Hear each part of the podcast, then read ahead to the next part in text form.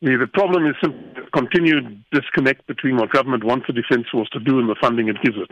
And that's, that's basically crippled the Defence Force. The, the usual argument is it spends too much on personnel, which is partly true, although the formula that was in the Defence Review is pure fiction. It doesn't apply to any country in the world. And each country will have a different mix. If you have an, infantry, an army heavy, a defence force, it'll have a higher personnel cost than another one. That's maybe the Air Force Navy heavy. If your army is personnel heavy, like ours is infantry heavy, then your personnel cost will be even higher. We do have too many old soldiers who are very expensive because instead of being 19 and unmarried, 40 with a, with a family, and to an extent we have too many generals, well, it's not nearly as bad as it's, it, it's thought to be if you compare other militaries. But the real problem is simply that to do the border and to do peacekeeping and to maintain a basic defense capability and monitor our waters and our airspace, we don't have enough money to do the job. And in fact, on the on headcount, the army does not have enough infantry to do the border and the one peacekeeping operation and have a contingency force. Hy sê die weermag het ook nie genoeg geld om hulle toerusting in stand te hou nie en hy voorspel dat dit gaan lei tot 'n groot ramp. Well, you know, it's, it's, it's typical of any democracy and probably some dictatorships too. In peacetime, who needs the military? You know, why are we wasting money on the military? And then in wartime, the very same people squawk about how can you send our soldiers out without or undertrained. I mean, we have a situation where such maritime patrol as we have, which is not really patrol at all, is 1943 vintage Dakotas. Yes, they've been re-engined, but they're still 1943 aircraft. They have no radar, they have no opt- optronic systems, they binoculars and eyeball Mark 1. And I've on occasion asked members of parliament how many of them drive to work in a 1943 car. Never get an answer.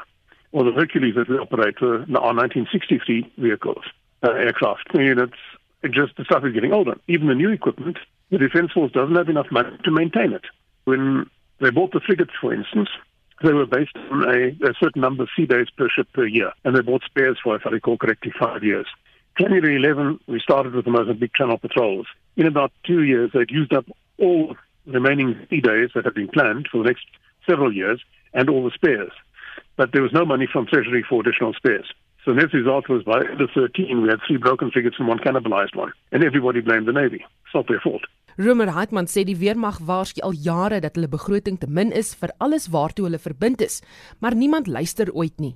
I attended every defense debate from 95 to about 09 or 2010, and then I've listened to them since now that I'm at Pretoria and been there. But in every defense debate so far, virtually every opposition party has agreed with the Minister of Defense that we need to spend more on defense, and nothing happens.